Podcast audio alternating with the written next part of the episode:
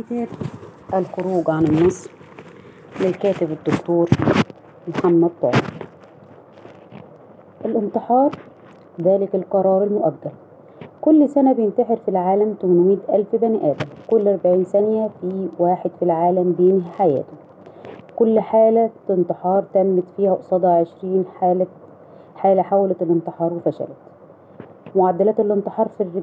في الرجال في الرجال ثلاثة أضعاف معدلات النساء لأنهم بيختاروا طرق أكثر جدية.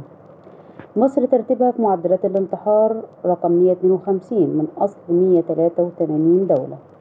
تقرير منظمة الصحة العالمية لسنة 2016 أنا مش عاوز أعيد وأزيد وأكرر نفس الكلام المتداول على السوشيال ميديا بخصوص الانتحار. بس خلونا نتكلم عن الموضوع بعمق شوية أو شويتين. علشان نشوف أكتر ونوعي أكتر يمكن نفهم أكتر. النفس البشرية مش صورة ستة في تسعة ليها بعد واحد أو بعدين. النفس البشرية شيء مركب ومعقد للغاية وليها أكتر من مستوى. لما يتقال إن أسباب الانتحار هي الاكتئاب والقلق واضطرابات الشخصية والإدمان وغيرها إحنا هنا بنتكلم عن مستوى واحد. وإن كان هام طبعا من أنفسنا اسمه مستوى الأعراض. لكن في مستوى تاني أعمق وأخطر اسمه معنى الأعراض اللي هو مش ليه هو مش ليه الناس دي بتنتحر لأ هو الناس دي عاوزة تقول إيه بانتحارها؟ إيه المعنى ورا إن حد يقرر ينهي حياته؟ إيه تفسير ده؟ ومغزاه وهنا وهنا بقى في بعض المفاجآت. في نظرية مهمة في تفسير الانتحار بتقول إن اللي بينتحر هو في الحقيقة مش عاوز يموت نفسه هو عاوز يموت حد تاني حد جواه حد عايش في عالمه الداخلي حد في حياته وواقعه الحالي أو الماضي عامل له أزمة كبيرة حد تسبب له في صدمة نفسية أو عاطفية أو معنوية مش عارف يتخطاها. يعني واحد اتربى في بيت ضاغط وكئيب مع أب وأم قاسيين جامد دين متحجر القلب. معاملة سيئة وضرب وشخط ونطر. فرض رأي وتنشيف دماغ وهي كده يعني هي كده. وأنا أمك أبوك ولو ما سمعتش كلامي هكون غضبان عليك ليوم الدين. تفتكر المعاملة دي هتولد إيه عند الابن غير كمية هايلة من الغضب وكره شديد الحياة والناس ورغبة شديدة في الانتقام؟ واحدة اختزلها أبوها وأمها في الدرجات والنتيجة والمجموع. واختزلها المجتمع في جسمها ولبسها ومعانيهم الجنسية. واختزلها جوزها في الطبخ والغسيل والمواعين. هتحس بإيه غير بغضب ناحية الأب والأم؟ وكره ناحية المجتمع والناس؟ ورغبة في الانتقام من الزوج والزواج واللي بيتجوزوا ده غير اللي بيحصل في قصص الحب في بيئة العمل وفي الثانوية العامة. المشكلة فين بقى؟ والألم الصعب بيجي منين؟ المشكلة هي إن نفسنا البشرية من كتر غلبها وانهزامها وقلة حيلتها بدل ما توجه المشاعر دي ناحية أصحابها بتقوم بالعكس توجهها ناحية نفسها. يعني أول حد يتوجه ناحيته الغضب المكتوم والمتراكم هو الشخص نفسه وأول واحد هيتم كراهيته واحتقاره هو الشخص نفسه وأول حد هيتم الانتقام منه هو برضه الشخص نفسه. تاني يعني هو يغضب من اللي أذوه بتوجيه غضبه ليه هو. وهي تكره اللي قاسوا عليها بإنها تكون قاسية على نفسها. وهما الاتنين بينتقموا من اللي شوهوهم بالانتقام من أنفسهم. ما هما مش عارفين يعملوا إيه؟ حاولوا مرة واتنين عبروا عن اللي جواهم ومنفعش جربوا ياخدوا حقوقهم ومقدروش قوموا لغاية ما جابوا آخرهم.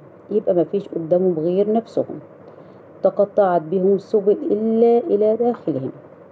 فنشوف اللي بيفشل اللي بيفشل نفسه في دراسته واللي. واللي بتمسك موس وتشرد جلدها. نشوف اللي بيدمن واللي بتدخل في علاقات مؤذية متكررة بلا نهاية. ونشوف اللي بينفجر من جواه في العالم ويتجنن. واللي يبصق البصقة الأخيرة على الناس وينتحر. آه بجد. إحدى الرسائل الحقيقية اللي بيوجهها المجنون للعالم هي الانفجار في وجهه. وأحد المعاني العميقة اللي بيقصدها المنتحر هي البصق في وجه الكل. الكل بمعنى الكل. حرفيا بدون استثناء. الانتحار هو الوجه الآخر للقتل ووجهه الثالث هو الجنون. وده بقى هيقودنا للمفاجأة التانية وهي إن قرار الانتحار مش قرار وليد اللحظة.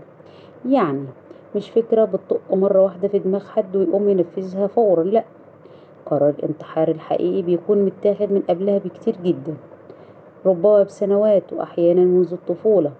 لكنه بيفضل بيفضل قرار مؤجل ويفضل الشخص في حالة تفاوض بائس مع العالم في حالة أخذ وعطاء يأسى مع الناس في انتظار شعاع نور يجي من أي شق من شؤون الحياة لغاية ما يفقد الأمل أو يفقد عقله أو يفقد عقله أو كليهما وينفذ قراره في لحظة مندفعة قاطعة. بنشوفها في معظم الأحيان على إنها لحظة جنون حقيقية ينفصل فيها الشخص عن العالم.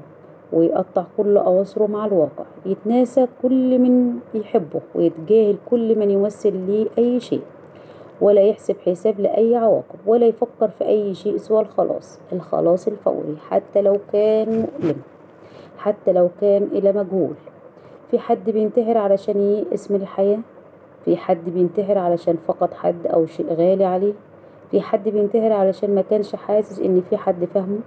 في حد بينتحر علشان مش عارف معنى حياته في حد بينتحر علشان ما كانش متشاف ومتقدر من أقرب الناس ليه. بينتحر علشان يتشاف تصور ينهي حياته كلها علشان اللي حواليه يشوفوه حتى لو كان ميت ويحس إن وجوده ليه قيمة حتى بعد ما ينتهي. وبعد ده كله في ناس بتعتبر المرض المرض النفسي دلع وفي ناس بتعتبره ضعف إيمان وإن المؤمن لا يصيبه مرض نفسي. في ناس بتعتبره مس من الجن أو الشيطان وفي ناس بتعتبره فضيحة وعار لابد من إخفائه. كل ده كلام فارغ. خليني بقى أقول بكل مباشرة ووضوح علشان الأمر ده لا يتحمل أي مرض. المرض النفسي حق زي ما المرض الجسماني حق. المرض النفسي يصيب المؤمن وغير المؤمن الصغير والكبير الرجال والنساء زيه زي أي مرض جسماني بالظبط. المرض النفسي مش هو الحزن العادي اللي بنمر بيه كلنا ومش هو الضيق والزهق من الحياة ومش قنوط من رحمة الله واعتراض على ابتلاءه الشخص اللي يقول إن المرض النفسي ضعف إيمان شخص جاهل وفاقد للبصيرة وبيتسبب في زيادة الإحساس بالذنب لدى إنسان شايف أصلا إن وجود في الدنيا ملهوش لازمة. الأولى إننا نحس بآلام الناس ونتعاطف معاهم ونحط نفسنا مكانهم ونحاول نفهمهم ونساعدهم. قبل ما نحط نفسنا مكان ربنا العليم الحكيم ونحكم عليه بالعذاب وبجهنم وبئس المصير. الألم النفسي أشد وأقسى من ألم السرطان. أكتر عشرة عشرة أسباب للإعاقة في العالم فيه منهم أربع أمراض نفسية. اللي عنده القلب مش بينتحر اللي عنده الضغط مش بينتحر بس اللي عنده اكتئاب بينتحر. المجتمع اللي بيسخر من المرض النفسي هو مجتمع مريض نفسيا وخايف يتعالج. الناس اللي بتتريق على المعاناة النفسية هم ناس سيكوبيتين لأمل في علاجهم الدراما والأفلام اللي بتطلع المريض النفسي أهبل والطبيب النفسي مجنون دراما متخلفة وغير مهنية وغير مسؤولة. المفتون والمدعون بغير علم ولا دين. وما أكثرهم تسببوا وما زالوا في بعد الناس عن أنفسهم وعن العلم وعن الدين. القرآن والرقية الشرعية والأذكار لا تعالج المرض النفسي زي ما هي لا تعالج الضغط ولا السكر ولا الفشل الكلوي. يا كل أب وأم ارحموا أولادكم اقبلوهم زي ما هما حبوهم بدون شروط ولا طلبات وأحكام ولا مقارنات. اسمعوهم احضنوهم سيبوهم يقولوا لكم لأ بدل ما يكتموها جواهم. بطلوا تعاملوهم على إنهم ملكية خاصة بيكم. بطلوا تهددوهم بالغضب والعقوق لغاية ما توصلوهم لليأس من رحمة الله. بطلوا تدخلوا في حياتهم وقراراتهم واختياراتهم. سيبوهم يكبروا ويستقلوا ويجربوا. عاملوهم على إنهم ضيوف عندكم. خلوهم يفتكروا منكم حسن الضيافة والمقام. ما تخلوهمش ينتقموا منكم في نفسهم. يا كل طالب وطالبة أنت مش الدرجات. أنت مش المجموع ولا التقدير ولا النتيجة. أنتم وحياتكم أهم من الدرجات والمجموع والنتيجة.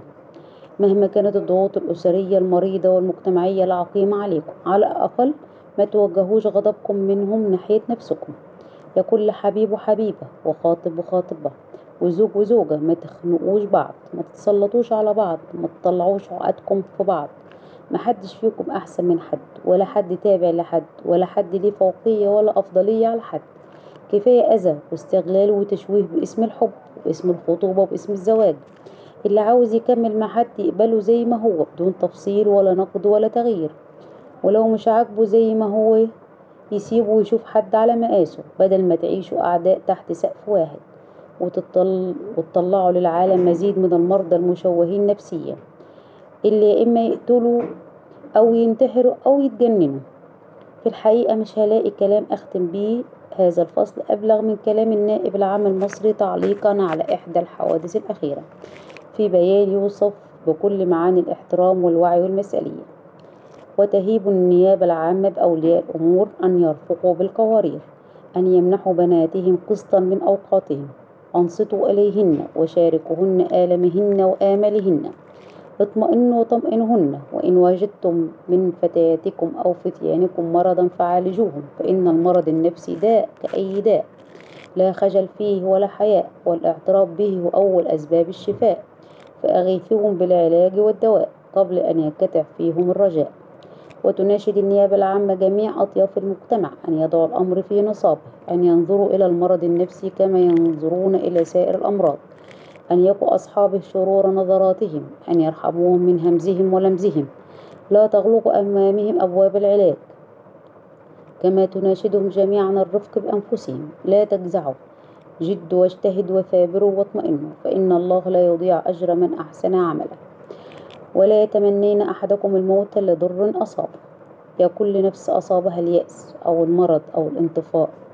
هناك من يفهمكم هناك من يشعر بكم. تمسكوا بالأمل تمسكوا بالحب. أخرجوا عن النص لكن لا تخرجوا عن الحياة.